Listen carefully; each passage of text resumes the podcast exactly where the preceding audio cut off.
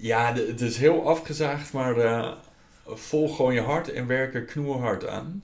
Eh dit is gewoon, eh, eigenlijk zie ik wel dat millennials, en die instelling zie ik ook wel heel veel, dat ze gewoon denken van nou, ik wil gewoon iets doen eh, waar ik goed in ben en waar ik in geloof.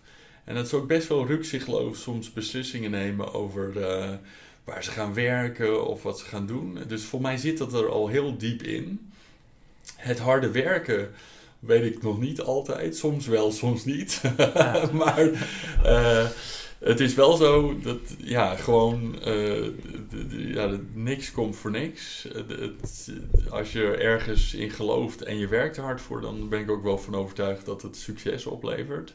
Maar ehm, ik moet wel zeggen dat ja, de millennials zie ik al heel vaak enorm beslissingen nemen op basis van gevoel en, en eh, met banen stoppen waar ze niet in geloven. Of, weet je, dat, en dat bewonder ik wel. Ik denk dat eh, mijn generatie eh, dat al minder had. En eh, misschien van mijn vader ook weer nog minder. Dat hij daar toch zoiets was van nou, een baan maar goed vinden. Of, of eh, snel een baan vinden die het goed doet. Ja. Maar eh, nee, dus eh, eigenlijk eh, heb ik er wel volste vertrouwen in.